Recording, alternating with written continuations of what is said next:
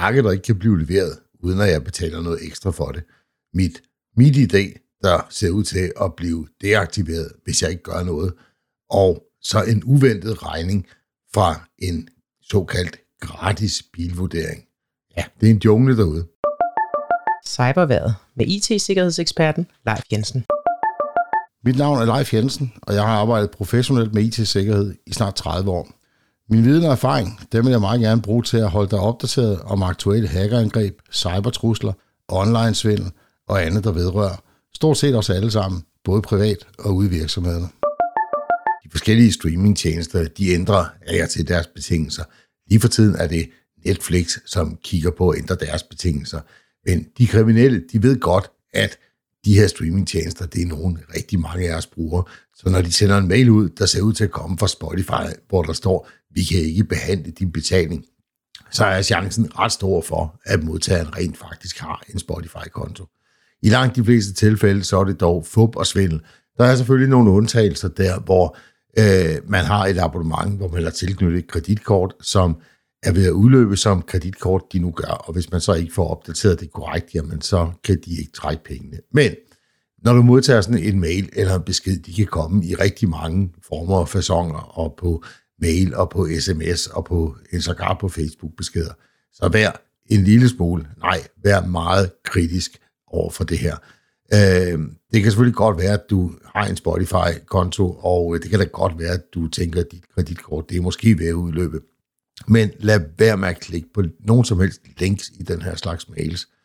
Vil du gerne tjekke, om dit øh, kreditkort det er korrekt opdateret i Spotify i det her tilfælde, jamen så log ind på Spotify og gå ind under min konto på Spotify. Lad være med at følge nogle af de her links. I rigtig mange tilfælde, så er det fodboldsvindel og handler om at få dig til at afgive nogle personlige oplysninger, og så gør dit kreditkort, så de lige kan trække lidt penge fra dig. Pas nu på. Vi har jo efterhånden fået vendt os til, at alt, hvad vi foretager os på internettet, det er gratis. Mange af os ved også godt, at ofte så betaler vi med vores personlige oplysninger, så der er nogen, der kan sende os nogle reklamer. Men ikke desto mindre, så har vi vendt os til, alt er gratis, lige fra vores mailkonto til alle mulige tjenester, som vi, øh, som vi bruger på nær lige streamingtjenester. Dem ved vi godt, vi skal betale for. Men når vi så møder ordet gratis, jamen, så er det jo nærmest bekræftet på forhånd. Og øh, det er der faktisk mange forbrugere, som øh, er røget lidt i en fælde, kan man sige. Det advarer Forbrugerrådet tænk om igennem deres app Mit Digitale Selvforsvar. De siger, at man skal undgå at blive snydt af gratis bilvurderinger.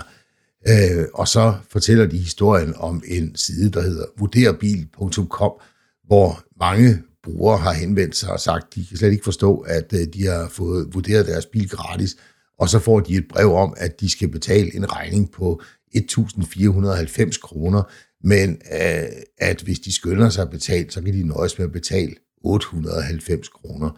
Øh, som forbrugerrådet øh, ting, de skriver, så er det sådan, det fremgår ikke tydeligt, at servicen koster op mod 1000 kroner, så mange føler sig snydt, når de senere modtager en regning og efterfølgende rykker, hvor virksomheden truer med en kasse.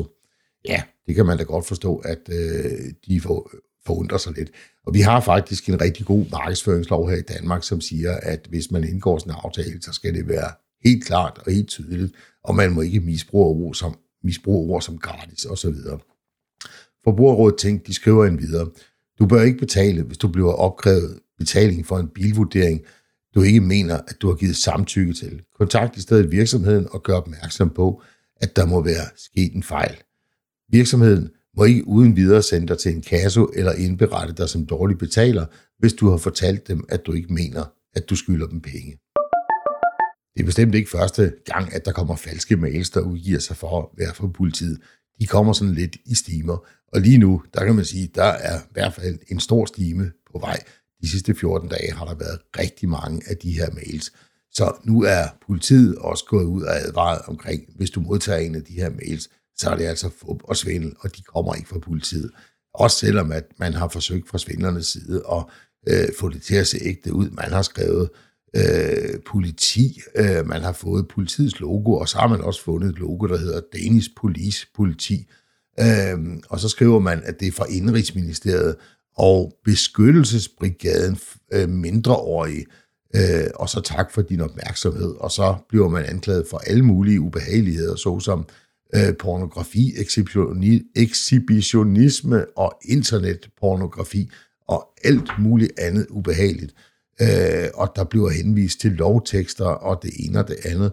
Øh, og der står, at man kan få syv års fængsel og en bøde på 747.458 kroner og 28 øre, når du nu modtager de her mails. Så husk, at det er fup og svindel. Politiet de vil aldrig nogensinde skrive til dig på den her måde. Det er det, vi har e-boks til. Det er der, man kommunikerer med de offentlige myndigheder, og ikke på en mail, en sms eller via Facebook. Det var cyberværet for denne gang. Vi er tilbage igen med en ny cyberværetudsigt igen næste uge. Tusind tak, fordi du lyttede med.